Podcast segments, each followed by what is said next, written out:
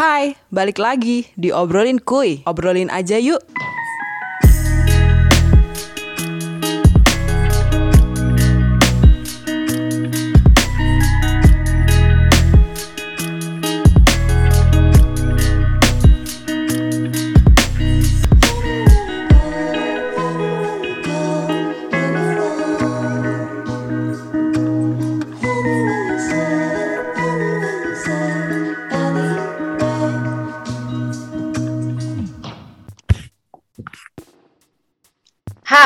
Episode kali ini kita bakal ngebahas sesuatu yang berbeda nih dari episode sebelumnya pastinya di season 2 Obrolin Kuy. Episode kali ini kita bakal ngebahas tentang bisnis yang pastinya uh, buat kalian nih para mahasiswa ataupun uh, newbie ya yang mau coba bisnis bisa banget nih ilmunya kalian pakai gitu. Sebelum bahas ke bisnis lebih dalam, aku mau spill tipis dulu nih guys. Jadi, kenapa topik ini penting banget untuk dibahas. Karena emang dari awal aku pengen banget ngangkat topik ini sebenarnya di season 1 tapi karena aku belum nemu orangnya dan kemarin baru kepikiran oh iya kayaknya ada orang yang cocok buat ngebahas topik ini. Jadi aku langsung gas aja nyari kontaknya buat ngubungin orangnya dan beliau mau. Wah aku seneng banget sih pasti. Karena aku excited bahas bisnis ini guys gitu. Uh, terus sebenarnya mungkin dari kalian juga banyak gitu yang mau bisnis mulai dari nol gitu. Tapi kalian bingung nih mulainya harus dari mana? Terus kalau misal produk yang kalian jual nih ternyata saingannya banyak banget itu gimana sih caranya bertahan gitu? Nah hari ini kita bahas mungkin khususnya buat kalian yang mahasiswa UB nggak asing ya dengan brand ini. Dan brand ini tuh jadi keseharian kali ya buat kalian yang sering cari bunga khususnya apalagi tokonya sekarang deket banget sama kampus kita gitu di veteran. Pasti kalian juga nggak asing sih. Begitu aku sebutin brandingnya kalian pasti oh ternyata itu ya yang punya gitu. Hari ini kita langsung ngobrol sama foundernya langsung guys gimana? Kalian pasti excited ya buat uh, ilmu hari ini. Kita langsung panggil aja Kak Sari founder dari Floweria Blossom. Hai lo Kak Tias apa kabar? Uh, baik, baik, baik. Kamu gimana kabarnya? Baik, alhamdulillah. Uh, sebelum kita bahas secara lebih dalam nih Florida Basem, uh, aku mau ngucapin terima kasih banyak buat Kak Sari karena udah nyempetin waktunya. Aku tahu pasti Kak Sari pasti sibuk banget ngurusin toko, tapi hari ini udah kasih kesempatan aku nih buat uh, sharing ya tipis-tipis tentang ilmu bisnisnya nih ke teman-teman obrolin kue gitu. Tapi sebelum masuk ke bisnis, aku mau tahu dulu dong uh, cerita sedikit Kak Sari background dari Kak Sari sendiri tuh apa sih gitu. Uh, Oke, okay. halo teman-teman semua. Uh, kenalin nama aku Diani Sari Sofia. Teman-teman bisa panggil Sari sih. Biasanya pada manggilnya Sari aja biar lebih akrab gitu. Uh, aku lulusan UB jurusan kimia. Sebenarnya lumayan jauh ya dari kimia ke bidang aku geluti sekarang, tapi it's okay gitu karena kita kan juga nggak tahu uh, apa namanya yang kita pelajari dulu sama yang kita hadapi sekarang itu benar-benar uh, di luar di luar ekspektasi banget gitu. Benar-benar. Terus hmm, aku lulusan 2000 lulusnya tanggal eh, tahun 2018 dari UB lumayan cukup lama ya 2018 terus sekarang lagi bukan sibuk sih maksudnya lagi ngurusin usaha aku di bidang floris. Ya kalau teman-teman tahu ada Floweria Blossom. Tadi waktu dikenalin kayak uh, kayak yakin banget ya semua orang udah tahu. Sebenarnya masih Floweria Blossom masih sangat kecil banget. Jadi mungkin ada yang nggak tahu uh, aku kenalin ya. Jadi itu floris aku Floweria Blossom di uh, perflorisan ini aku udah dari kuliah. Udah dari kuliah tapi semester semester akhir aja. Baru semester akhir kayak uh, mau coba hal yang baru gitu. Dan nggak tahu kenapa tiba-tiba terlintas menarik juga ya bunga ini gitu. Jadi mulai dari kuliah terus sempat on off sebenarnya sih. Hmm, okay. tapi sampai sekarang uh, benar-benar pengen seriusin di uh, bisnis ini secara uh, profesional mungkin ya gitu. Terus uh, waktu kuliah aku kan fakultas MIPA sama kayak Tias juga. Hmm. uh, fakultas MIPA pas kuliah sih ya kesibukannya pastinya kuliah sibuk nggak ya Kayaknya nggak sibuk-sibuk banget deh. Tapi kimia tuh banyak kak praktikumnya ya nggak sih? Ya, benar praktikumnya banyak banget dan uh, apa namanya kita tuh udah praktikumnya praktikumnya kan harus ini ya kayak teliti banget. Jadi apa semua fokusnya tuh ke forsir gitu di lab. Kalau misalnya di lab itu ke forsir. Biasa okay. ngeles aja uh, terus selain kuliah, nge-lab sama kesibukan di keorganisasian uh, sempat ikut BEM juga mulai dari maba kayaknya sampai sampai semester lim eh ya pokoknya sampai mau skripsi itu masih BEM sama biasanya ikut komunitas-komunitas sosial gitu sih kalau di di Malang. Ada ada kayak komunitas di teman-teman tingkat univ juga yang kita dipersatukan dari maba terus sering bikin project-project sosial gitu. Itu mungkin kesibukan secara singkat. Oke. Okay. Uh, eh, Kak, tadi Kak Sari sempat singgung on off. Kenapa bisa on off? Karena waktu kah atau karena kesibukan kah gitu? Uh, sebenarnya on off ini itu ini ya waktu kuliah. Hmm. Waktu kuliah itu on off karena ya uh, balik lagi ke anak kimia yang uh, harus bikin laporan, harus praktikum hmm. dan lain-lain.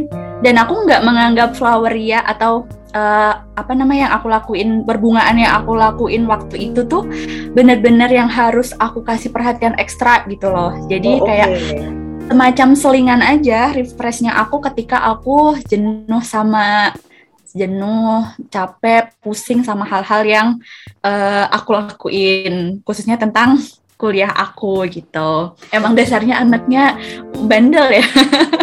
Jadi mencari pelampiasan, mencari pelampiasan dari rutinitas-rutinitas yang biasanya.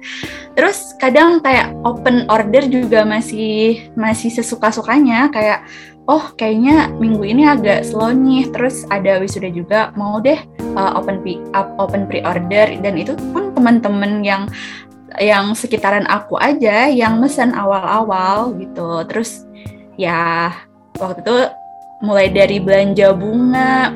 Aku kan bikin Instagramnya ya jadi kayak minta tolong teman aku buat jadi model megang produk pertama aku. Kalau yang kalau dilihat tuh ya ampun aku dulu bikin produk kayak gini banget ya terus kok ada yang beli? Gitu nah, terus sempet uh, setelah lulus itu kan pulang ya ke Blora. Uh, aku asalnya dari Blora Jawa Tengah. Kalau ada yang tahu alhamdulillah.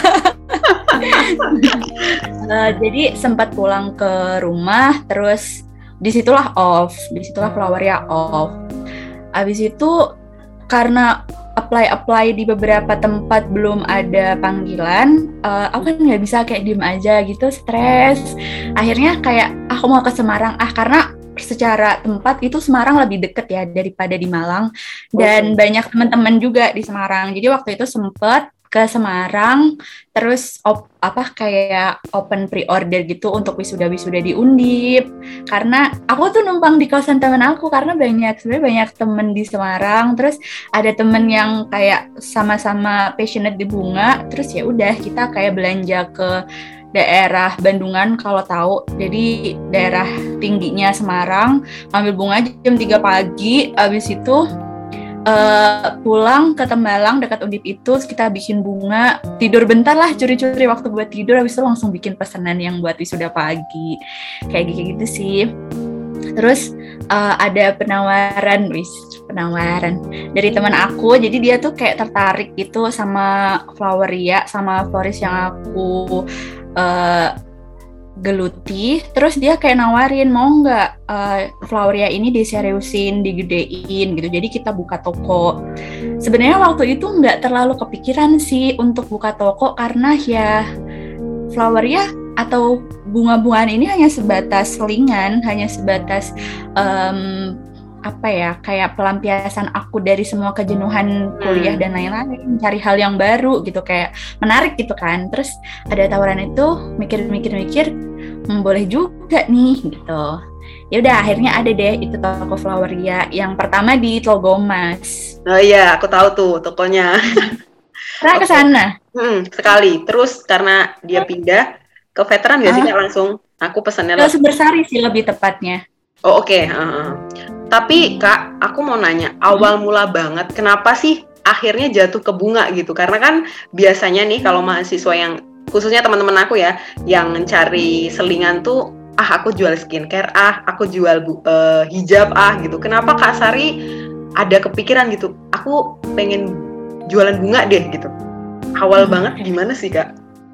Awalnya sebenarnya waktu itu kan kayak banyak kegiatan ini ya kewirausahaan gitu kan mm, oke okay. uh, eh, di di kampus waktu itu sebenarnya pernah ikut kayak PMW pernah mm. ikut kayak lomba KWU gitu-gitu tapi itu sama sekali eh, nggak uh, tahu ya kayak random banget ada yang PMW itu PMW sama lomba KWU itu aku jualan pizza dari kayak sagu gitulah. Jadi ada lomba bahan bahan bakunya sagu. Coba deh uh, mau bikin sesuatu gitu. Nah akhirnya di PMW-in sama di KWU-in. Terus uh, jalan-jalan-jalan udah dijalanin. Kayaknya aku nggak cocok deh di dunia permakanan ini.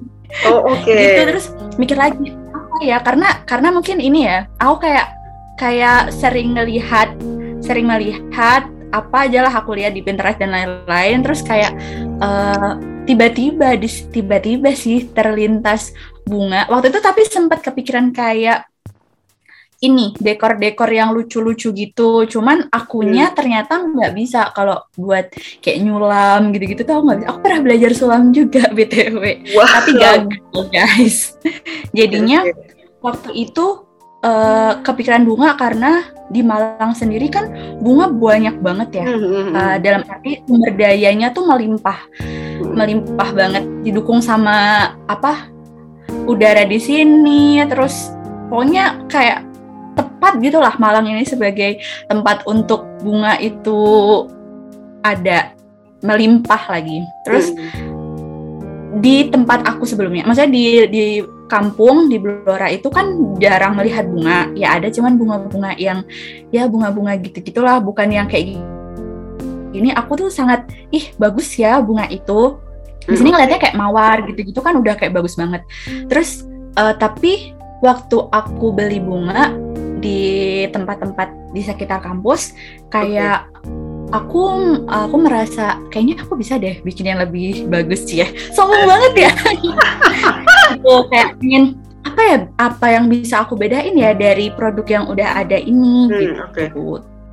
Terus ya udah akhirnya mulai lihat-lihat. Pokoknya kuncinya tuh melihat sering melihat sih dari Pinterest, dari mana-mana gitu. So, akhirnya uh, sambil jalan aku tuh uh, ngelihat orang rangkai bunga dari YouTube. Oh, oke. Okay bener-bener sarjana YouTube sebenarnya ini. Belajarnya otodidak dari YouTube. Terus beli-beli bunga yang tangkaian gitu beli perlengkapannya sedikit-sedikit uh, bikin terus dikasih-kasihin orang gitu gitu itu sih. Terus habis itu dibikinin Instagramnya. Jadi kayak waktu itu pede banget dengan produk yang kayak gitu. Difoto dijual dan kok ada yang beli? Gitu. Sampai sekarang masih bingung. Oke. Okay. itu ceritanya menarik kak. Jadinya uh, jadinya setelah itu tuh kayak kan teman-teman aku melihat ya aku udah bagi ini bunga yang udah aku bikin anggap hmm. aja sebagai portofolio. Terus hmm. habis itu kayak teman-teman aku ngelihat dan mereka suka gitu. Terus kayak minta dibikinin dengan budget segini gitu-gitu. Ya udah aku beli aku bikinin lah sesuai yang request mereka. Cuman dengan dengan cara ngerangkai aku yang dulu kayak gitu ya mereka oke okay gitu loh. Sampai akhirnya terus terus terus eh, nggak uh, mau dong kalau cara atau apa ya kemampuan merangkainya itu gitu-gitu aja. Pasti hmm, jam iya. terbang juga mempengaruhi. Jadi sering hmm. sering melihat sering praktek ya ya kayak sekarang nih jadinya. Oke okay, wow. Tapi kalau dilihat dari Instagram sih cantik-cantik ya kak rangkaiannya. Malah kayaknya rapi gitu loh Uh, makasih. ya itu uh, sebenarnya ini ya apa namanya uh, setelah melalui beberapa trial dan error sebenarnya hmm. sih. Oke. Okay. Kalau uh, sorry kak, kalau dari background orang tua tuh sebenarnya ada bisnis nggak sih kak? Karena kan biasanya orang-orang yang terlahir di keluarga bisnis ya dalam tanda kutip tuh akan lebih mudah menyerap ataupun mereka aku nggak mau ah buka bisnis yang lain mau ngelanjutin bisnis orang tua aja gitu kalau dari kak Sari gimana sama sekali nggak ada background bisnis apa pun di keluarga aku bahkan ibu aku PNS okay. terus bapak pegawai swasta hmm. gitu jadi uh, ketika melihat anaknya tiba-tiba uh, jualan bunga dalam tanda kutip kuliah tapi jualan bunga itu lumayan membuat mereka bertanya-tanya Oke. Okay. Apakah bisa jualan bunga mencukupi kebutuhanmu? Kayak gitu lah. Uh, itu sebenarnya wajar ya, uh, kayak pemikiran orang tua seperti itu tuh wajar. Apalagi dengan perbedaan apa ya, perbedaan perspektif antara orang di kota, misalnya Malang kan termasuk kota, hmm. dengan di daerah. Karena ya kalau di Blora orang jualan bunga, maksudnya buket gitu, uh, lumayan mikir beberapa kali gitu loh. Karena ya dipengaruhi oleh lingkungan sebenarnya dan daya beli dan lain-lain. Bunga di sana tuh merupakan hal yang sangat tersier bukan oh, okay. mending beli makan gitu loh daripada beli bunga yang akan layu. Pemikirannya itu masih kayak gitu.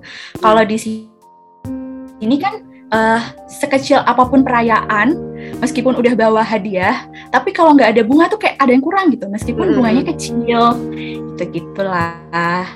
Jadi mereka melihat bunga tuh bukan sebagai sesuatu yang akan layu, tapi sebagai suatu memori, ya. Oke, okay, iya benar sih. gitu. Oh, Oke. Okay. Kak, gimana cara Kak Sari ngeyakinin nih ke orang tua kalau hmm bisnis aku tuh bisa kok gitu bisnis aku tuh hidup gitu gimana sih kak soalnya kan pasti uh, seperti yang kak Sari tadi bilang gitu pandangan orang kota sama orang desa tuh beda gitu gimana cara kak Sari meyakinkan ke orang tua gitu awal-awal sih berat ya buat meyakinkan hmm. karena belum ada yang bisa dibuktikan Oke. Okay. Aku mau aku mau membela diri aku gimana pun, aku mau meyakinkan gimana pun, ya aku belum punya sesuatu yang konkret buat hmm. dikasih tahu ini loh hasilnya uh, tetap akan menghasilkan gitu loh.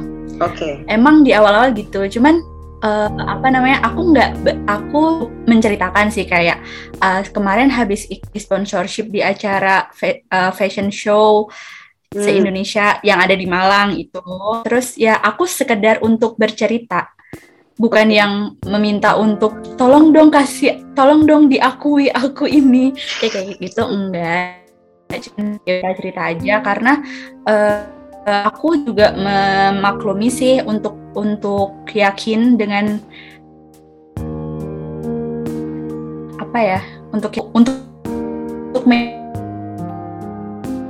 meyakinkan mereka tentang ya ya udah aku terima aja kalau misalnya kayak agak gimana lah ya orang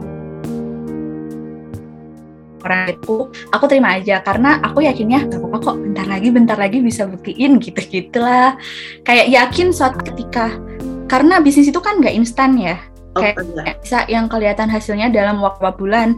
Bahkan satu tahun dua tahun mungkin mungkin nggak ini nggak apa namanya nggak belum cukup lah untuk membuat mereka yakin. Cuman aku yakinnya suatu saat dengan target waktu yang aku punya akan terlihat gitu loh. Meskipun nggak yang wow banget, tapi progresnya dari waktu ke waktu itu lumayan bisa di di apa ya dilihat lah.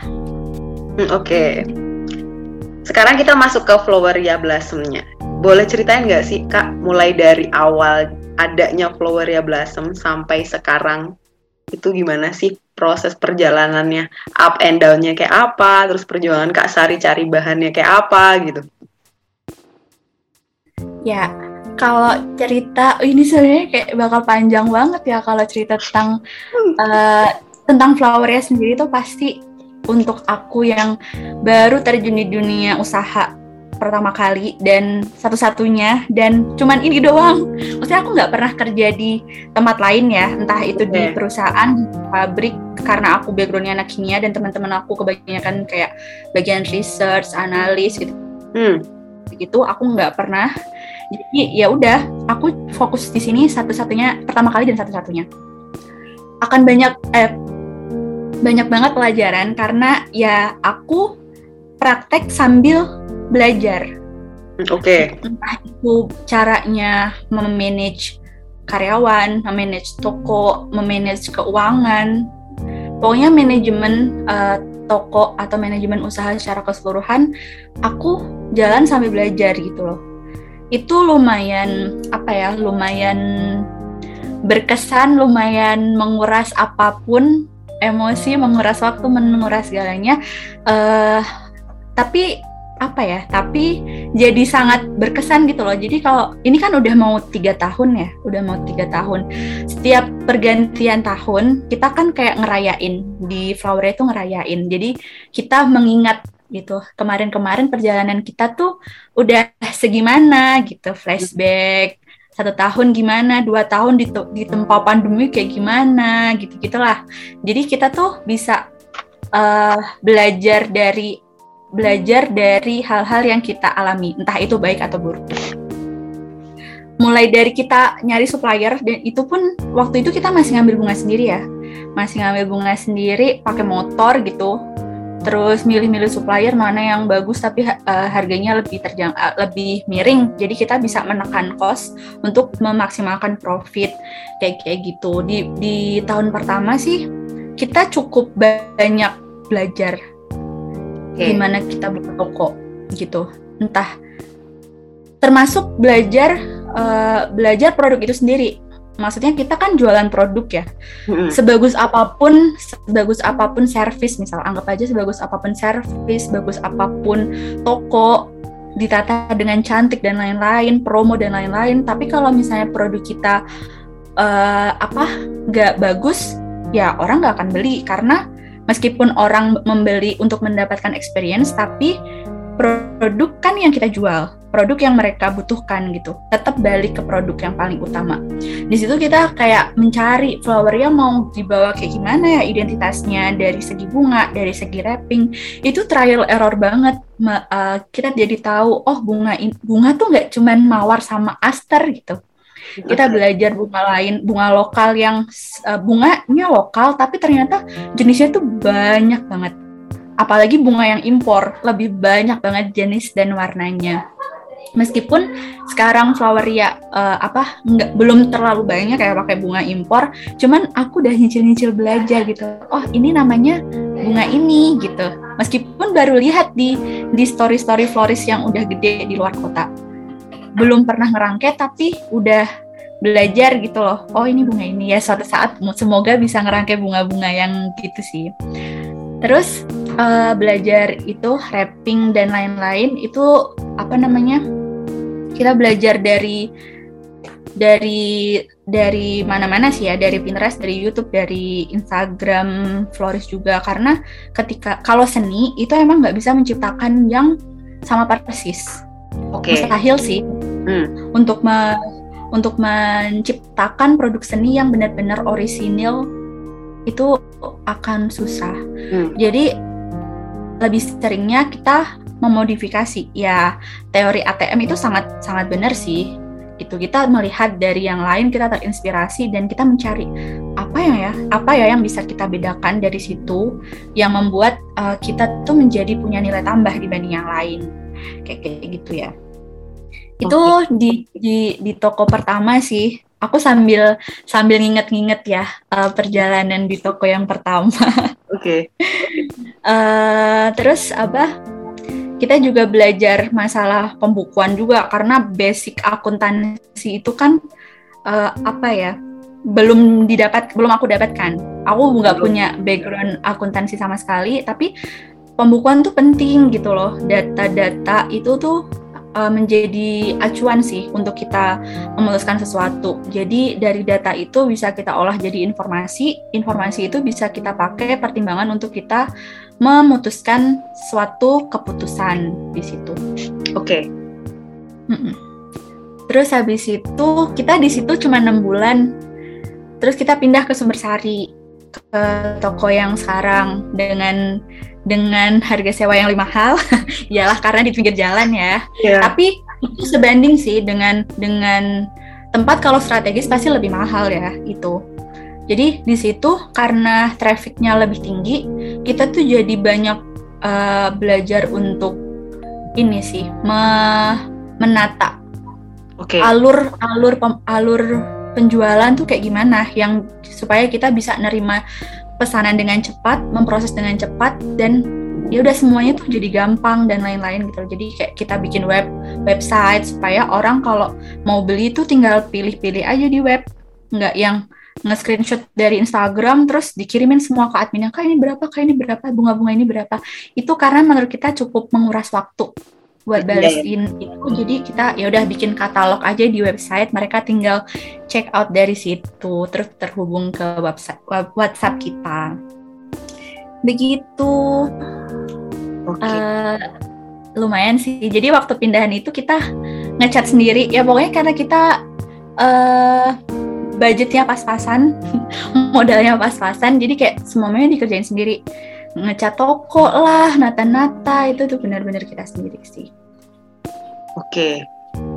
Eh, kenapa sih kak alasannya ma pindah ke Sumber Sari? Apakah karena eh, pengen lebih mengenalkan Floweria ke eh, calon customer ya pastinya? Atau emang dari awal aku pengen deh ngepindahin ke toko yang lebih besar kah? Atau alasan paling besarnya nih kenapa akhir akhirnya memutuskan untuk oke pindah ke Sumber Sari aja deh gitu? Eh, sebenarnya ke Sumber Sari itu belum ada kepikiran di awal buka. Jadi waktu Oh. itu awal buka, yang penting buka dulu. Ada Oke. temen yang punya kenalan eh, orang yang punya tempat untuk dipinjamkan. Jadi waktu itu tuh bukan sewa, lebih ke bagi hasil. Kalau misalnya Hmm. penjualan kita rendah, kita ngasihnya rendah. Kalau misalnya penjualan kita lagi meningkat, kita sesuaiin lagi gitu. Bukan yang kalau sewa kan, ya udah misal jebret 30 juta per tahun harus dibayar lunas gitu kan. Tapi kalau yang di toko itu, yang di toko pertama itu enggak. Cuman kekurangannya adalah eh secara lokasi sih mungkin ya. Oke. Karena itu bukan di tempat yang strategis, jadi eh, berpengaruh juga sih. Jadi kita berencana untuk pindahin itu di enam bulan pertama kita di sana. supaya lebih ini ya, supaya lebih makin berkembang sih, karena tempatnya juga lebih strategis gitu. Oke, Eh, kak sebenarnya aku kepo sih. Eh, trial and error buat ngerangkai bunga bisa sampai sebagus itu tuh butuh berapa lama sih kak? butuh berapa lama sebenarnya eh sepanjang waktu sih trial errornya kayak tapi mungkin tantangannya beda-beda ya kalau yang trial error yang di awal-awal buka karena bunga yang kita sediakan juga masih terbatas jenisnya kita eh, trial errornya lebih ke oh kalau misalnya bunga dirangkai kayak gini tuh ini jadi rapet kalau misalnya mawar tuh tangkainya lebih licin daripada daripada tangkai bunga yang lain. Jadi kalau dirangkai tuh agak sering apa ya? Kayak sering rapet gitu loh. Padahal kalau misalnya bunga rapet tuh nggak terlalu bagus menurut menurut Floweria ya. Hmm, oke. Terus kayak oh kalau misalnya nggak dikasih kalau bunga dirangkai karena dia bunga potong, dia pasti akan layu beberapa jam kemudian. Mm-mm. Apalagi untuk bunga-bunga yang butuh banyak air. Nah, itu juga sih kita jadi tahu mana bunga yang butuh banyak air, mana bunga yang sebaiknya dikasih dikit aja gitu. Terus dia itu nggak bisa kena panas banget atau gimana gimana. Itu kita jadi tahu cara mekarin bunga mawar kalau misalnya dapat dari supplier kuncu banget tuh gimana. Gitu-gitu sih. Ternyata harus ditutup dulu nih. Besoknya dibuka lagi besoknya ditutup lagi. Jadi mekarnya dia tuh bagus. Trial errornya di situ. Terus kepikiran kayak ditambah kapas kapas basah di bawahnya supaya ya kalau misalnya dibawa sama orang di foto itu nggak kelihatan layu gitu loh jadi bagus di fotonya Oke. sama lebih ke ini ya mungkin kalau masalah wrapping sih ya apa ya trial errornya itu sebenarnya mencari identitas lebih ke situ Oh oke.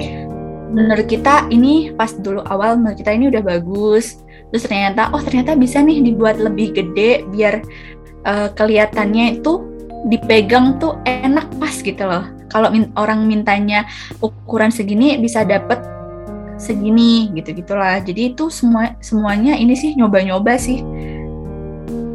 Oke. Uh, kalau dari itu kalau dari segi bahan ya kak, dari segi bunga yang mau dijual. Nah, kalau dari segi bisnisnya, manajemennya, itu kak Sari belajar sendiri kah atau uh, punya kenalan nih, misal kayak pembukuan itu kan kita nggak bisa yang belajar otodidak kan kak. Kita harus ada sumber yang pasti gitu kan karena kan itu ilmu pasti gitu nah kalau dari kak Sari belajar itu tuh gimana sih kak Nah, ini sebenarnya masuk ke tantangan aku pribadi ya ketika memulai usaha ini. Oh, okay. Karena basicnya bukan manajemen atau bisnis gitu-gitu. Jadi untuk hal-hal yang berkaitan dengan ini tuh semuanya masih belajar belajarnya sangat berbeda ketika di kampus, eh, ketika di kuliah. Hmm. Jadi uh, aku kayak sering nanya gitu ke teman-teman aku yang udah kerja, maksudnya ker sebagai pegawai ya, hmm, okay. gimana dia tuh diperlakukan di tempat kerjanya, terus kayak keluhan dia tuh aku aku aku terima, maksudnya aku bukan aku terima, keluhan dia itu aku jadiin, oh ternyata karyawan tuh sukanya, eh nggak sukanya diginiin. Sistem peker sistem kerja yang baik itu harusnya seperti ini kayak gitu gitu apalagi uh, usaha yang aku gelutin ini di bidang uh, seni ya. Maksudnya kita tuh harus punya mood yang bagus.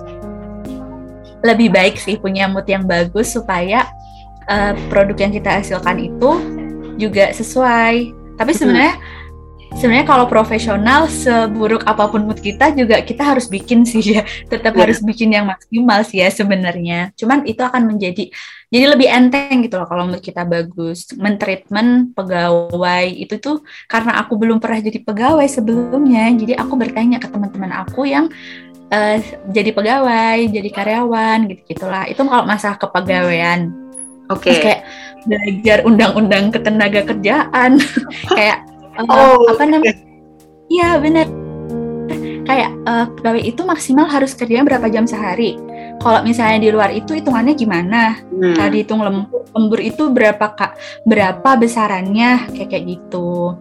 Terus uh, apa ya? Kalau masalah kalau masalah produk ya itu tadi ya belajarnya dari ya pasti dari ownernya sendiri kan mau ngebawa branding uh, usahanya seperti apa produknya mau gimana.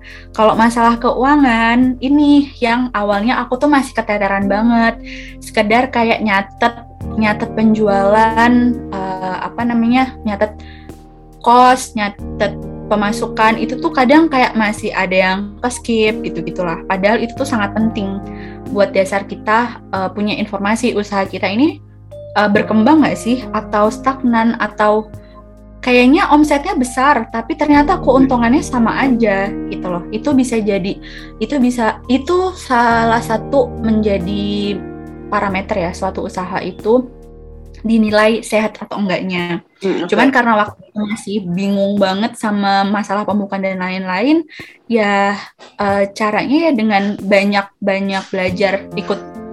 Waktu itu aku masih baru baca-baca sih di kayak di di Google lah, di YouTube lihat-lihat gimana orang manage toko gitu. Terus kalau yang deket-deket ini ya ya beberapa bulan ke belakang ikut-ikut kelas gitu-gitu lah ikut kelas manajemen. Terus jadi tahu oh istilah-istilah akuntansi itu kayak gini. Terus ada temen juga yang aku tolong dong diajarin masalah ginian gitu-gitulah. Tapi sebenarnya ada cara lain sih misal kalau misalnya kita menganggap oh kayaknya kalau misalnya aku ngurusin per pembukuan ini terlalu berat jadi aku kayak fokusku untuk ke produk tuh jadi berkurang itu bisa juga dengan kita ngerekrut freelance yang di bidang finansial. Kayak kayak gitu. Atau sosmed gitu ya. Aku tuh dulu mana bisa ya ngedit ngedit ngedit ngedit gitulah aku anaknya nggak anak seni banget jujur. Jujur seni ini sangat jauh dari dari aku yang dulu. Aku dulu SMA sangat anaknya eksak banget sukanya matematika gitu-gitu. Kalau okay. kalau pelajaran kesenian pasti itu kayak KKM tuh udah oke okay lah, udah alhamdulillah. ya nggak tahu kenapa ternyata ternyata bisa bisa kayak bisa beda banget yang aku ambil sekarang sama yang aku sukain dulu. Jadi ya itu fungsinya membuka diri sih, ya, membuka betul. diri dengan hal baru. Sepakat sih. Uh, Kak Sari sekarang berapa uh, staffnya? atau oh, ini deh sekarang tuh ada beda nggak sih kak? Maksudnya kayak dulu kan semuanya kasari mulai dari produk, terus pembukuan segala macam kan. Sosmed pun kayaknya kasari juga gitu. Nah sekarang ada pembagian nggak sih kak? Atau uh, masih tetap di kakak semua? Atau uh, pembagian itu tadi kayak sosmed ada, analis ada, akuntan ada gitu, produk juga ada gitu. Kalau sekarang gimana kak? Kalau dulu uh, guyonannya itu kita tuh CEO atau tapi diplesetin jadi COE sih, Chief of Everything. Oh, kita okay. tuh harus tahu kita harus tahu uh, bisnis kita dari hulu ke hilir tuh kayak gimana. Ya kita mengerjakan sendiri karena kita harus paham.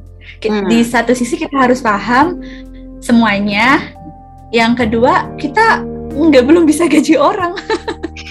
Oke, okay, yeah jadi memang harus dikerjain sendiri. Cuman sebenarnya waktu itu dari awal flower ya ada toko kita tuh udah punya pegawai. Uh, okay. tapi itu menurut aku hal yang apa ya aku belajar sih waktu aku ngerekrut karyawan di pertama toko buka. Aku aku pikir dulu sangat ini ya sangat urgent banget pegawai itu di toko pertama buka. Tapi ternyata seiring berjalannya waktu karyawan di toko pertama buka itu nggak nggak urgent banget gitu loh karena toko masih kecil penjualan hmm. masih belum tinggi tapi aku harus mengeluarkan beban kos yang besar untuk gaji pegawai gitu oke okay. itu sih makanya aku bilang di awal-awal uh, toko buka itu kita tuh sangat ya banyak banget sih belajar ya aku mungkin sangat apa ya mungkin sangat ya ada hilaf-hilafnya kayak kayak gitulah. Karena masih belum tahu banget ya hmm. gitu. Terus abis itu uh, kita jalan terus kita kita lakuin semuanya. Hiring pegawai lagi sampai sekarang itu kita, aku punya dua punya dua pegawai. Jadi memang ketika bisnisnya udah dirasa scaling up kita emang perlu untuk menambah orang karena kita jadi punya banyak waktu memikirkan hal-hal yang lebih strategis. Oke. Okay. Untuk hal-hal yang bersifat repetitif kayak contoh admin. Admin ini kan ya pertama kita udah punya katalog nih, kedua WhatsApp toko udah tersedia dengan uh, apa namanya laptop juga yang bisa diakses di toko sama adminnya. Ya udah uh, admin aku delegasikan ke pegawai gitu loh. Jadi aku untuk aku bisa fokus ke yang lain selain admin karena admin kan ya bukan bukan maksudnya nggak butuh skill yang khusus, cuman admin tuh bisa gitu loh untuk diajarin dengan cepat. Mm -hmm, yeah. Terus jadi itu sih alasan alasan rekrut tuh sebenarnya alasan rekrut yang pertama itu satu kita tuh uh, ya itu ya mendelegasikan pekerjaan yang sifatnya repetitif ke orang lain. Yang hmm. kedua, kita kalau misalnya kita memang uh, apa susah untuk melakukan pekerjaan itu. Misal aku nggak bisa sosmed nih, kayak aduh ngedit-ngedit, bikin konten tuh aku susah. Ya udahlah aku ini aja rekrut freelance aja, sos bagian sosmed kayak gitu. Tapi kalau di Floweria sendiri awalnya sih lebih ke floristnya dulu yang direkrut. Hmm, oke. Okay Uh, jadi ngajarin ngajarin dia untuk bisa merangkai bunga, terus bisa bantuin di produksi untuk uh, kita bisa nerima order lebih banyak sehingga salesnya naik. Oke, karena Kak Sari udah singgung recruit recruitment, aku mau nanya nih, uh, kalau dari segi hiring gitu ya Kak, itu harus ada kemampuan khusus nggak sih? Atau emang uh, Kak Sari cari orang yang emang bisa kerja aja dalam artian ya kalau kamu nggak bisa bikin ngerangkai bunga gitu ya nanti aku ajarin tapi dasar apa sih yang harus dipunya oleh si calon karyawan Kak Sari ini gitu. Oke, okay. aku sama sekali nggak punya eh, nggak uh, punya syarat dia harus punya basic seni dan lain-lain. Okay. Sama sekali nggak ada kayak ya udah kamu nggak bisa pun akan diajarin karena kita punya training gitu.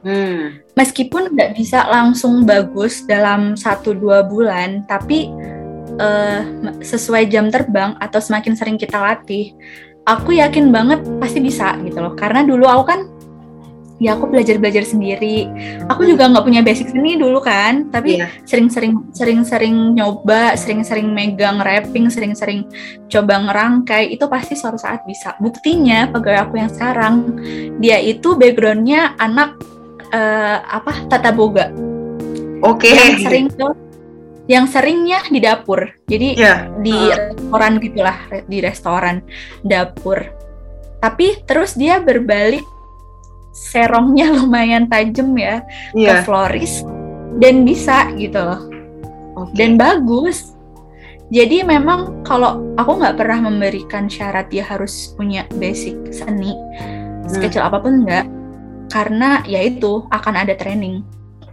yang Jadi- penting tuh sebenarnya satu apa? mau belajar Iya sih benar. mau belajar Hmm. itu tuh sebenarnya kayak ini banget ya kayak basi banget nggak sih mau belajar gitu-gitu tapi itu bener sih karena ketika um, let's say orangnya punya basic seni tapi ternyata dia nggak bisa dikasih tahu Hmm, itu akan sangat menyebalkan kerja dua kali Nah. ya sih kak? I- iya dan kayak susah diatur jadinya Hmm, oke. Heeh, terus sama attitude yang jadi kesulitan sebenarnya di attitude sih khususnya di komitmen gitu-gitu. Percuma kan skillnya oke tapi attitude-nya kurang.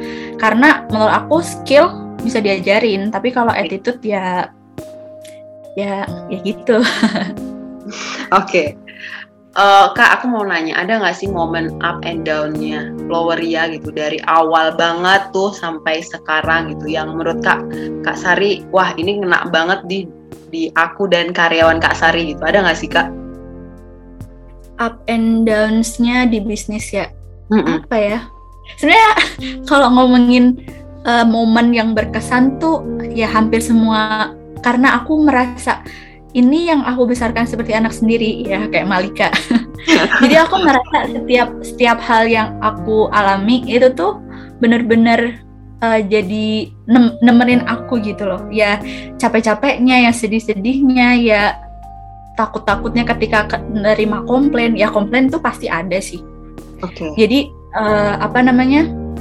Setiap hal yang ada di toko tuh kayaknya berkesan sih menurut aku. Tapi mungkin kalau yang ditanya up and down kan berarti ini ya eh, baik dan buruk ya Mm-mm. dalam konteks seneng dan enggak ya. Kalau ups-nya mungkin aku bersyukur banget sih flower ya sekarang. Meskipun sebenarnya masih belum yang gimana-gimana cuman aku menghargai gitu loh setiap prosesnya. Oke. dari yang dulu kayak gitu sampai sekarang kayak gini emang nggak bisa yang dianggap pencapaian yang sangat besar. Cuman menurut aku pribadi karena aku suka mengapresiasi diri aku di setiap perjalanannya di jadi aku sangat eh, menghargai jalan-jalan kecil yang aku sudah tempuh dan Fabria tempuh. Gitu. Pas toko buka banyak yang mampir terus sampai sebenarnya toko yang awal tuh sempit banget kan ya. Hmm, termasuk parkirannya. Termasuk parkirannya juga sempit. Tapi waktu itu yang datang tuh ya nggak sedikit gitu. Senengnya gitu sih karena banyak yang ram- meramaikan di toko gitu-gitu. Foto-foto nge-share. Terus kayak sempet itu kayak empat bulan pertama di toko baru ditawarin ngisi kelas merangkai bunga sama Wardah Wardah Malang uh, oke. Eh, Wow. kayak kayak waktu itu ini sih ke mikirnya kan aku baru ya gitu pokoknya baru flowernya ini baru tapi udah ditawarin kayak gini tapi aku pengen banget gitu jadi ya mau aku cuman gitu doang pokoknya aku bilang mau dulu abis itu kayak lain-lainnya nyesel lah dipersiapin ketika udah bilang iya gitu.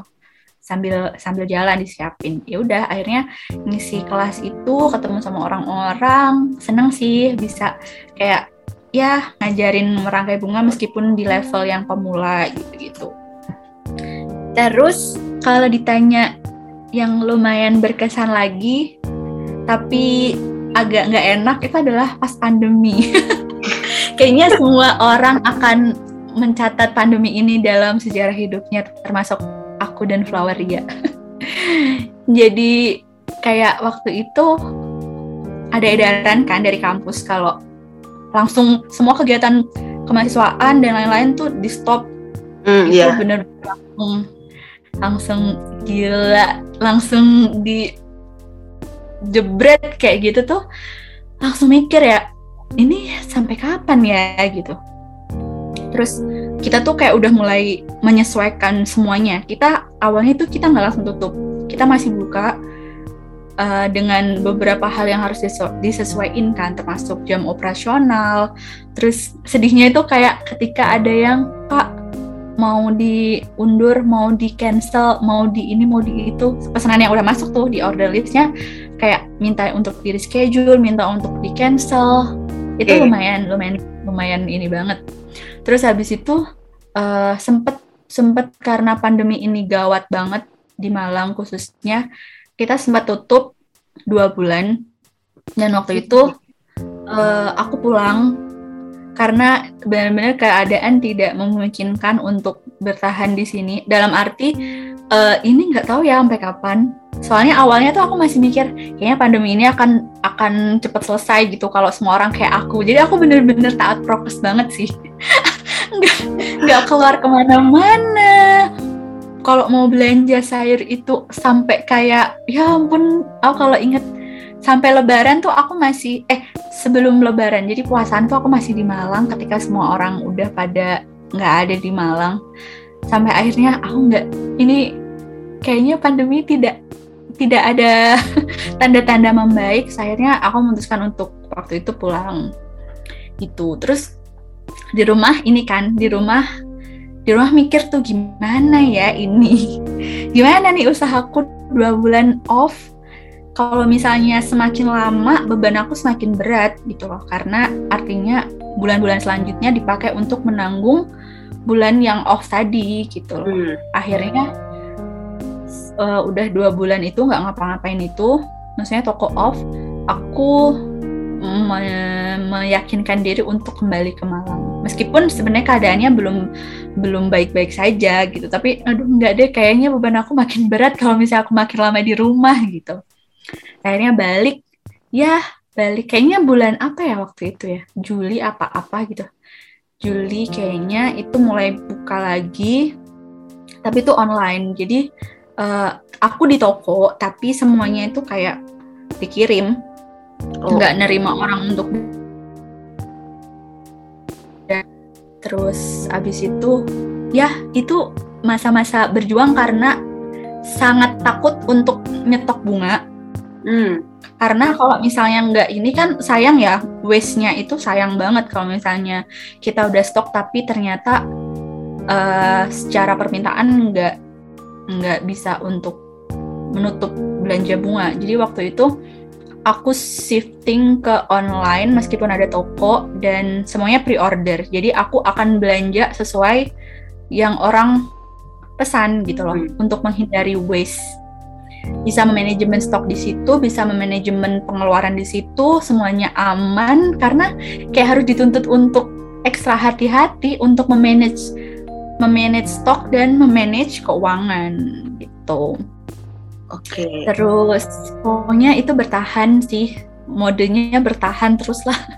Mode bertahan sampai beberapa bulan terus eh apa ya kalau kalau teman-teman ngikutin jadi waktu ulang tahun kemarin dua tahun kemarin itu aku bikin cerita Floweria. Di situ aku ceritain juga selama pandemi kita bertahannya gimana gitu gitulah terus bagaimana kita meyakinkan para calon customer kalau kita tuh juga mem- mempedulikan atau kita juga em, apa ya ngasih perhatian ekstra di kebersihan kayak kita post kalau kita lagi bersih-bersih toko kita semprot desinfektan terus kita kirim bunganya itu dengan tidak kontak ke kurir gitu gitulah gitu.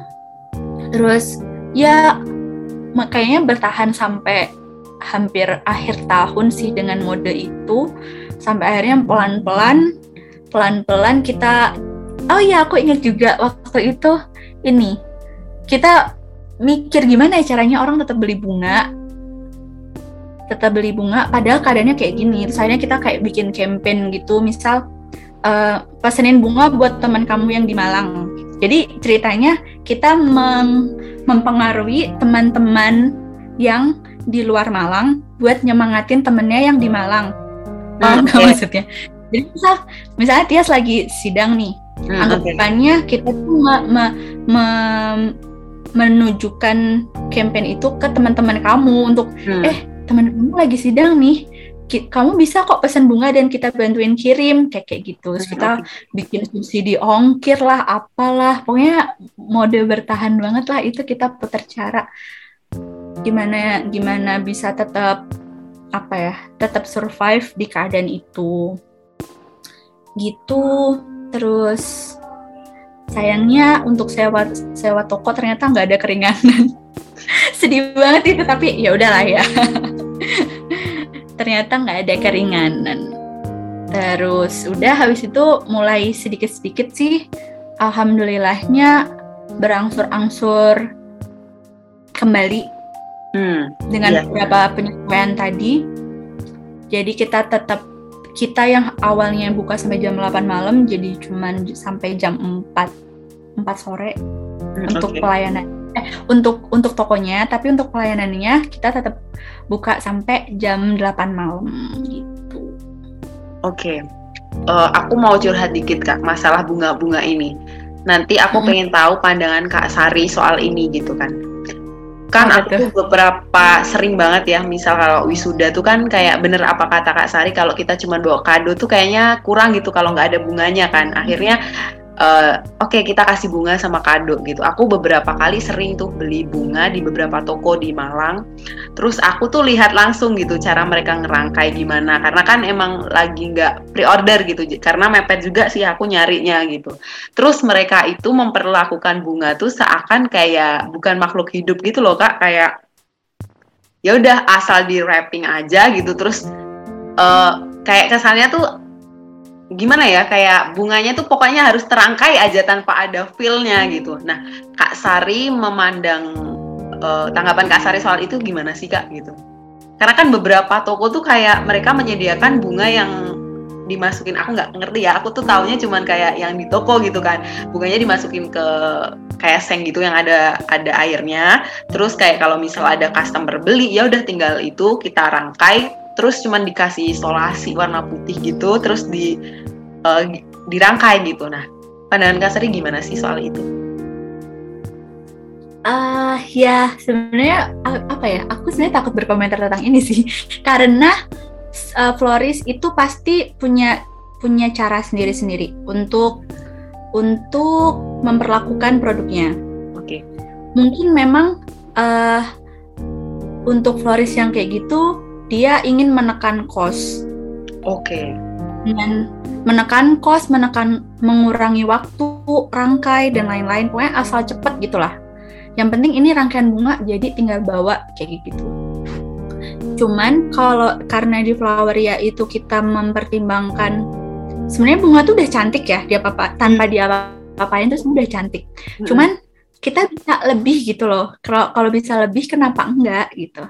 Kita pengen orang yang eh, dikasih bunga itu seneng dan merasa oh ngerepingnya eh ngerangkainya ngerepingnya itu benar-benar diperhatikan ya gitu. Bukan yang asal. Apalagi kayak misalnya buat merangkai satu rangkaian itu nggak bisa dibilang cepet sih. Makanya kadang kalau misalnya ada orang minta pesanan same day itu kita berusaha untuk same day-nya udah day tapi minta sekarang gitu loh. Oke. Kak mau beli untuk sekarang. Padahal lo padahal di saat yang sama kita lagi ny- nyiapin pesanan untuk yang sudah pre-order. Jadi kita kasih pengertian lah kita em, bikin dulu ya yang udah pre-order. Nanti mungkin bisa diambil jam segini kayak gitu. Karena butuh waktu kan untuk membuat rangkaian itu. Bukan yang tiba-tiba cling langsung jadi. Enak. Aku juga mau sih sebenarnya kalau bisa langsung cling jadi. Terus eh, pengennya pengennya bunga itu tuh nggak cuman sekedar ngasih gitu lah. Hmm. bukan cuma sekedar ngasih tapi tapi kayak bisa bertahan berapa lama ya kayak gitu. Karena ya meskipun bunga ya tapi kayak perintilannya tuh banyak banget. Kayak misal kalau di toko tuh kita misal kita beli bunga satu ikat Oke. kita nggak bisa beli bunga eceran. Kalau di supplier tuh kita nggak bisa beli bunga satu dua gitu nggak bisa. Jadi satu ikat. Satu ikat misal isi 10 atau isi 25 tergantung jenis bunganya. Hmm. terus tapi dalam satu ikat itu nggak semua bunga bisa dipakai. Dan itu tuh resiko kita. Oh, oke. resiko kita yang harus kita masukkan sebenarnya dalam harga. Makanya mungkin mungkin ada bunga yang murah banget ada bunga yang mahal. Ya itu sebenarnya sebenarnya sebanding sih dengan harga kalau ada yang murah banget berarti kemungkinan ya dia menekan cost di apa gitu misalnya nggak pakai kapas atau wrappingnya nggak terlalu gimana gimana atau Hmm. bunganya bunganya gimana kayak kayak gitu sih jadi sebanding gitu loh sesuai Nah, ketika kita beli satu ikat yang kepake, yang bisa kepake ya karena cuaca, ya karena di jalan resiko kenapa-kenapa, itu misalnya yang bisa dipakai cuma 8. Ya udah, kita harus resiko sih sebenarnya resiko floris eh, apa namanya? mendapat hal-hal yang itu menyedihkan sebenarnya melihat bunga patah gitu bunga misal kita lagi misal kalau bunga datang kan kita harus bersihin tangkainya ya sama Hmm. daun-daunnya Ya. kadang kalau pas dibersihin tuh ternyata ada yang tek potek itu tuh sedih banget ampun sakit tidak berdarah nah terus eh, misal udah nih udah dibersihin kita rangkai kita kasih kapas basah. Kita kasih kapas basah dan kapasnya pun itu nggak yang murah gitu kan. Maksudnya kapasnya kita belinya di apotek. Oh, oke. kayak waktu itu sampai ditanyain apotekernya mbak lagi praktek ini ya kayak anak keperawatan gitu lah sering pakai kapas. Enggak mbak saya jualan bunga. Loh kok pakai begini? Iya biar bunganya awet gitu-gitu. Terus udah habis dikasih kapas mulai di wrapping layer satu layer dua. Ah pokoknya alurnya tuh lumayan panjang gitu loh. Jadi ya harapannya sih sebenarnya sebenarnya sakit kalau sakitnya tuh kalau misalnya ah bunga gini doang harganya cuma segini loh kok dijualnya segini sih. Ya dalam hati tuh kayak pengen ngomong ya kalau misalnya mau beli dengan harga segini ya udah beli di sana kayak gitu loh. Karena eh, karena yang dinilai dalam dalam apa namanya harga jual bunga tuh kan bukan cuma bunganya aja ya. Hmm. ada ya itu ada bunganya perlengkapannya beban-beban itu sebenarnya masuk di bunga juga resiko-resiko layu patah dan lain-lain. Jasa kita waktu gitu-gitu kan juga nih. Harapannya sih lewat podcast ini. Kayak uh, tipis-tipis mengedukasi kalau ya ada kok memang bunga yang uh, apa namanya range-nya segitu. Ya mungkin dengan ukuran yang lebih kecil tapi tetap dengan dengan cara kita treatment bunganya pun dengan maksimal juga gitu. Oke. Oh, kalau dari penjelasan Kak Sari ini kayaknya Kak Sari itu me- menganggap bunga tuh sebagai anak gitu ya. Kayak dari awal bunga datang dari supplier, terus kapasnya aja guys. Kalian tadi udah dengerin kan kapasnya beli di apotek tuh. Kalau ada yang bilang, "Ih, flowernya mahal banget tuh." Udah udah dijawab sama Kak Sari langsung gimana perawatan bunga tuh susah. Yang masih- Kadang malah sempet ngobrol sama bunga kayak orang gila nggak sih? Bunga dari supplier datangnya kuncup, tapi kita mau nggak mau butuh untuk saat itu juga. Jadi ya ampun apa pun dilakuin sih kayak misal ngerebus air, airnya jadi lebih hangat gitu supaya bunganya lebih cepat mekar, terus kayak ditambahin garam, gula gitu-gitulah supaya dia terangsang untuk mekar. Terus kayak bilang, ayo nak, ini apa? Mekar dong, kayak kayak gitu, bener-bener. Ya ampun. tuh perjuangannya guys. Biar bunga yang kalian dapat bisa bagus bisa perfect tuh perjuangan seorang perangkai bunga guys. Jadi kalian yang masih mikir alah segini doang mahal banget tuh. Perawatannya sedetail itu. Oke kak aku mau nanya nih. Eh, Mm. ada nggak sih kayak cerita atau feel kak Sari dengan customer kakak nih yang kayak wah ini customernya sering sering pesen nih sering order gitu. Sampai kayak dia jadiin Floweria Blossom tuh kayak eh, misal dia ada acara nih dia selalu pesennya ke kakak gitu. Ada nggak sih kak yang engagement customer gitu ke kakak gitu? Iya, Uh, kayak kayak gitu ini sih lumayan sering ditemuin sih. Apalagi aku juga sambil ngurusin sosmed juga kan kayak Instagram. Tapi kalau WhatsApp tuh sama admin.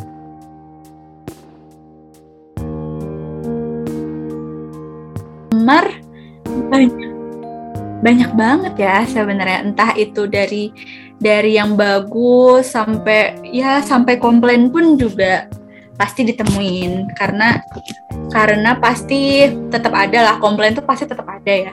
Hmm, ya. Nah, tapi aku selalu bilang ke admin aku uh, apresiasi sekecil apa pun dari customer ataupun ataupun komplain itu dikasih tahu ya ke kita karena dia akan yang lebih sering berhadapan sama customer. Kalau apresiasi itu tujuannya ya biar semuanya semangat sih. Kayak misal pegawai aku yang florist ketika tahu rangkaiannya dipuji sama orang, maksudnya orang yang beli itu seneng.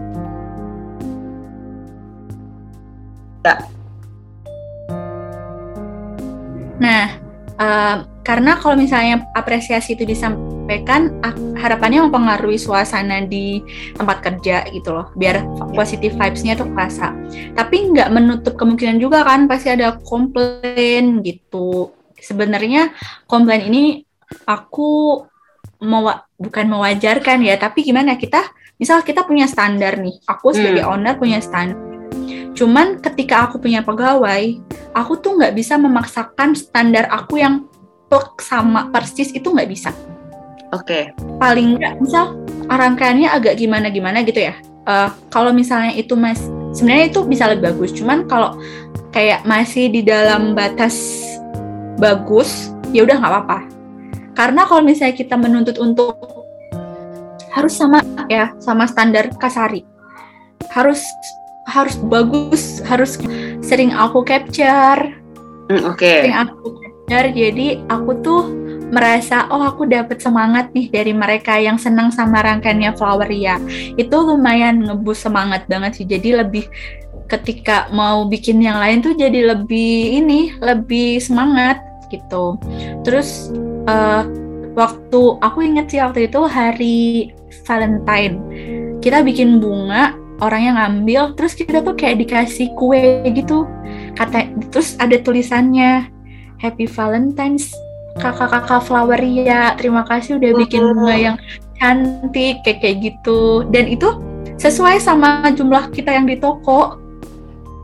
Oh oke. Okay. terus uh, apa ya kayak dari momen dia sidang, eh sempro, semhas, kompre, itu beli bunga di kita itu kita nandain sih sama buat pacarnya. Misal pacarnya dari ulang tahun, dari sempro, dari dari sidang, terus lamaran, terus nikah di kita gitu loh. Jadi ah uh, so sweet banget perjalanannya. Eh kita tuh jadi bagian meskipun bagian kecil ya dari perjalanan mereka, tapi tuh kayak ngerasa oh seneng banget gitu ada feel beda ya kak pastinya. Hmm, bener banget. Memang customer itu ini sih menjadi parameter kita juga sih tentang service. Hmm, Oke. Okay. Ini pertanyaan agak sedih sih sebenarnya. Semoga nggak akan terjadi gitu ya. Kasari ada nggak sih kepikiran untuk menutup toko gitu dan akhirnya kayaknya ini ke depannya nggak akan menghasilkan cuan cukup tinggi deh. Mending aku tutup aja, aku cari kerja yang lain gitu pernah terbersit kak pikiran kayak gitu nggak sih kak? Kalau sekarang sama sekali enggak. Tegas okay. banget lagi. Sama sekali nggak kepikiran. Tapi kalau ditanya dulu ya, dulu awal-awal tuh mungkin iya. Bukan menutup usaha sih, tapi lebih ke kayaknya uh, ketika toko ini berjalan, toko ini tetap jalan dengan aku punya pekerjaan lain gitu. Jadi oh, bisa okay. jadi pekerjaan sampingan. Hmm. Aku pikir aku pikir kayak gitu. Ya mungkin idealisme fresh graduate juga ya. Hmm. pengen kerja di tempat yang oke okay, gaji tetap. Terus uh, sempat waktu itu kepikiran ngurusin flower ya itu cuma beberapa bulan aja. Habis itu hire orang buat nerusin. Hmm, oke. Okay. tapi pas udah dijalanin seben mikir sih sebenarnya bukan hal yang mudah gitu loh untuk men-take over usaha yang basicnya seni ke orang lain Hmm. Aku nggak tahu ini perspektif aku yang idealis tentang apa ya seni atau kan ini menjual selera ya dan sele dari awal ini seleranya aku sebagai owner gitu. beda kayak misalnya jenis usaha F&B misal yang Hmm. udah ada resep fixnya dengan takaran yang jelas. Oh, kalau mau bikin kopi susu itu kopinya segini, susunya segini, gulanya segini. Uh, itu akan lebih gampang untuk di uh, take over ke orang lain atau ke pegawai atau ke a- siapa pun. Cuman karena aku mungkin punya idealisme yang cukup ya aku di sini kalau misalnya nggak ada aku gimana dong pasti identitasnya agak sedikit bergeser atau Hmm. gimana gimana apalagi semakin berjalan tuh kayak kok aku semakin berat ya untuk meninggalkan jadinya flowernya nggak boleh nggak boleh berhenti lah. Meskipun nanti mungkin uh, prioritasnya beda. Maksudnya ya ngomongin ngomongin kehidupan kan pasti menikah lah apalah dan lain-lain. Itu kan pasti ini ya uh, apa namanya prioritasnya akan sedikit berbeda. Tapi aku pengennya flowernya nggak akan berhenti sih.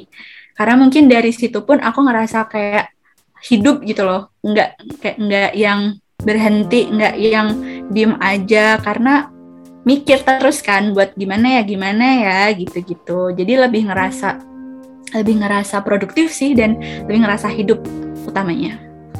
Nggak kepikiran kalau sama kalau sekarang nggak ada kepikiran sama sekali dan harapannya nggak akan ada sih. Oke, jangan sampai sih. Iya karena juga senangnya itu flowernya bisa jadi salah satu tempat rezeki orang. Hmm, iya. Peng ya kalau ditanya masalah tujuan tujuan nanti nanti pengennya itu Floweria eh, apa ya menjadi semakin besar dan semakin bisa banyak orang yang gabung di sini gitu loh Hmm, oke. jadi aku bisa ya anggap anggap aja semakin banyak teman untuk ada di Malang gitu Oke. Eh, Kak ini agak menggeser dari bisnis ya. Eh, lebih ke karakter Kak Sari gitu. Di kehidupan kampus kan kakak tadi sebut ikut BEM juga, terus otomatis kan masuk di kementerian yang punya circle pertemanan yang pasti beda kan, karena kan kalau di BEM ada dari jurusan fisika, matematika, jangankan beda jurusan gitu, beda circle akan mempengaruhi pola pikir kita gitu kan. Nah, terus kakak juga aku denger nih ada campaign cerita baik kita itu kan. Nah, dari semua komunitas, semua kegiatan sosial kakak yang kakak ikutin gitu ya, ada nggak sih sesuatu yang ngebentuk kak Sari untuk sampai di proses ini gitu? It- eh, baik berupa pola pikir, terus cara pandang, cara ngambil keputusan gitu. Ada nggak sih kak sesuatu yang udah kak Sari lewatin nih selama masa kuliah, masa eh, apa ya komunitas itu tadi gitu yang bisa membentuk atau ngebantu kakak dalam membes- membesarkan Floweria ini gitu. Hmm, apa ya? Eh, mungkin kalau dibilang kuliah, aku melihat memandang masa-masa kuliah itu bukan lebih ke aku belajar kimia ya, sedih banget Oke. sih ngomongin ini. Tapi lebih ke bagaimana pola pikir itu terbentuk, entah itu di kelas pas kuliah ataupun di luar kelas gitu loh, ketika eh, berinteraksi dengan teman-teman, dengan dengan dosen, dengan pegawai TU gitu-gitu. Dan sebenarnya eh, kalau mungkin karena di BEM itu ya kan kalau di organisasi ada program kerja ya, Iya. ada struktur organisasi.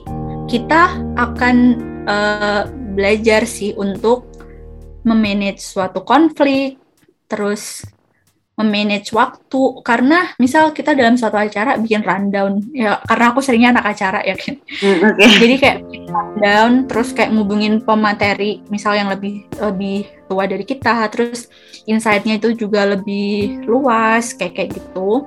Terus eh aku merasa ketika kuliah itu apa ya sarana untuk kita mengembangkan diri tuh banyak banget sih Hmm. Oke. dalam bentuk apa pun ya, dalam bentuk apa pun, entah fasilitasnya tuh udah banyak gitu loh. Ada organisasi, mahasiswa, ada UKM. Kalau mau bikin komunitas-komunitas sendiri juga feel free banget Hmm. gitu. Jadi ngerasanya wah se ini apa ya namanya namanya ya aku tidak menemukan istilah yang tepat cuman aku merasa masa-masa kuliah itu apalagi ketika kuliah itu kita berada di usia yang sudah cukup mampu untuk berpikir dalam tanda kutip berpikirnya itu lumayan jangka panjang ya Hmm, Oke. Uh, jadi kita tuh sangat sangat akan berkesan di usia itu karena di usia itu kita sangat ini bisa berpikir, bisa memutuskan, bisa mempertimbangkan dan lain-lain. Aku ngerasanya waktu kuliah gitu sih, lumayan. Aku nggak tahu orang melihatnya gimana, cuman dari aku yang sendiri ngerasa kayaknya aku kayak gini tuh karena dulu aku kayak gini deh. Hmm. Kayak dulu aku eh, misal di organisasi kayak dikasih tugas ini, dikasih tugas itu harus dikumpulin saat misal beberapa ini kemudian terus aku jadi mau nggak mau mau nggak mau jadi harus bisa ngatur waktu. Karena ngatur waktu itu kan akan terjadi akan bisa kita atur kalau misalnya kita dihadapkan dengan banyak sekali kegiatan. Ya kalau kegiatan kita itu itu aja pasti ya gitu gitu aja kan kegiatan kita. Beda kalau habis ini itu habis ini itu habis ini ini ini. Jadinya kita dituntut untuk bisa eh, kalau bisa jangan sampai merugikan pihak lain lah gimana cara kita ngatur gitu-gitu. Dan dan bersyukurnya sih punya punya lingkungan yang positif juga ya. Hmm. eh, yang bisa kita minta tolong bisa kita minta ajarin gitu-gitu. Jadi mungkin ketik eh, buat yang dengerin dan masih kuliah ataupun sebenarnya nggak udah selesai kuliah pun eh, manfaatin oh, udah ngasih pesan aja nih. Kayak maksimal memaksimalkan apa ya fasilitas sarana yang mungkin kalau misalnya nggak kelihatan misal kita ngerasa kayaknya nggak ada fasilitas apa-apa deh kayaknya ya kayaknya nggak ada wadah nggak ada sarana. Ya kita bisa ciptain gitu loh. Kita bisa ciptain itu. Ataupun sebenarnya ada cuman kita tuh belum peka aja Oke, Hmm, dua pertanyaan terakhir Kak Sari. Eh, tipsnya buat para pendengar obrolinku ini yang ngerasa aku pengen banget mulai bisnis gitu. Karena ya selain menggiurkan gitu ya kadang kan bisnis tuh dibentuk karena passion ya. Mungkin kayak eh, aku suka kopi gitu. Aku pengen deh buka kopi tapi eh background pendidikan aku perminyakan misal. Atau background pendidikan aku kesehatan tapi aku pengen buka usaha kopi gitu. Gimana sih cara eh, gimana kita bisa berkembang dengan background pendidikan yang berbeda tapi bisnis juga jalan gitu. Nah tipsnya buat para pendengar obrolinku ini yang mau berbisnis tuh apa sih? Dan pastinya pertanyaan terakhir harapan buat Floweria Blossom tuh apa? Gitu kak ngasih pesen ya? Pesannya nggak ada masalah sama sekali kalau misalnya background pendidikan kita itu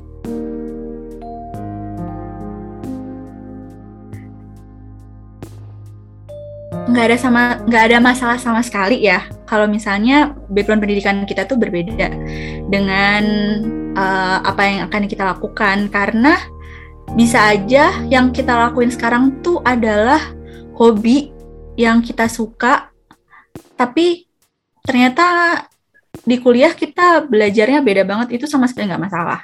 Hmm, oke. Banyak sekali platform banyak sekali wadah banyak sekali kelas-kelas webinar dan lain-lain yang bisa kita ma- manfaatkan untuk kita belajar. Jadi it's okay nggak ada problem sama sekali gitu loh.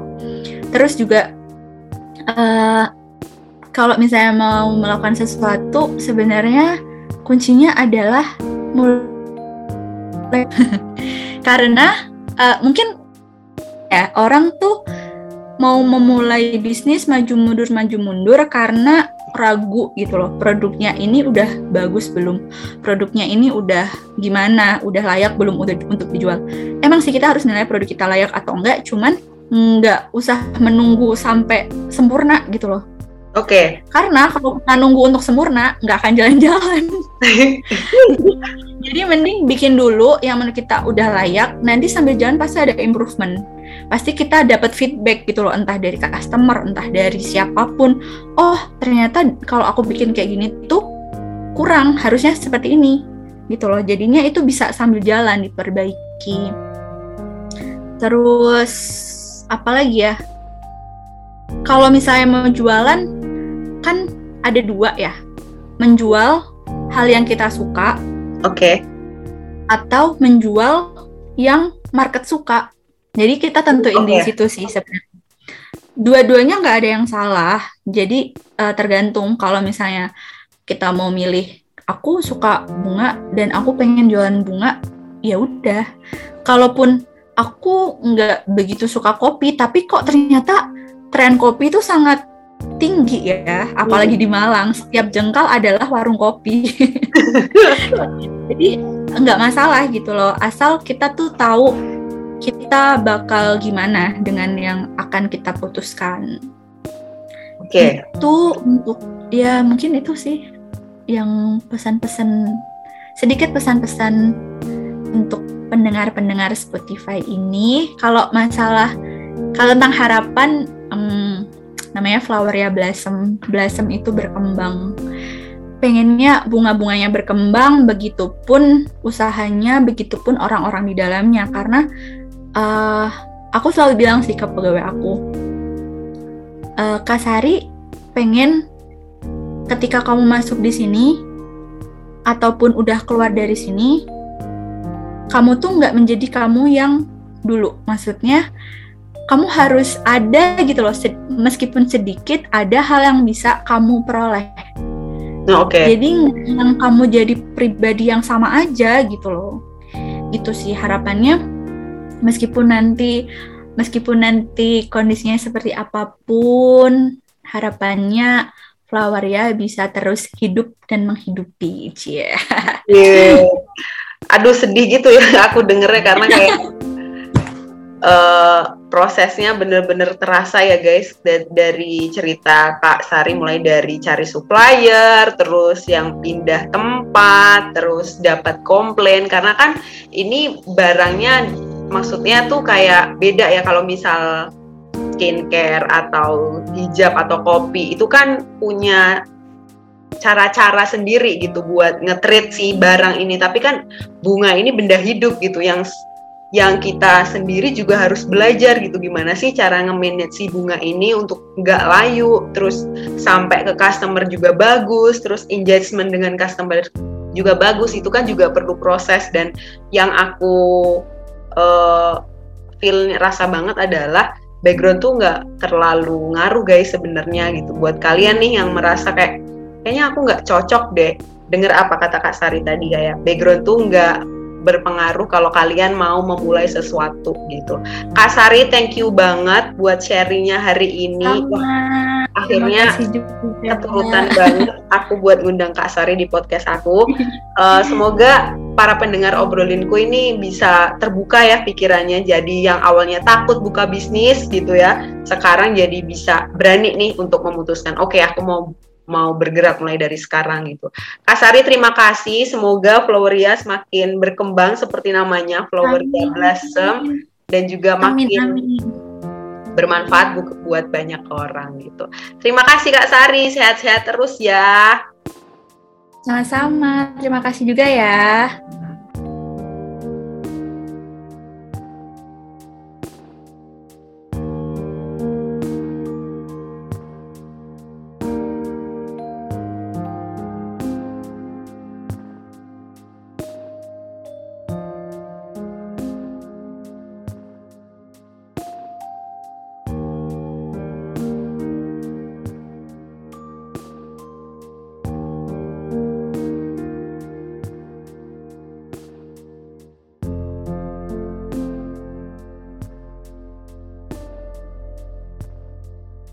Oke, kita akhiri episode kali ini. Jangan lupa untuk terus dengerin obrolin kuy. Obrolin aja yuk.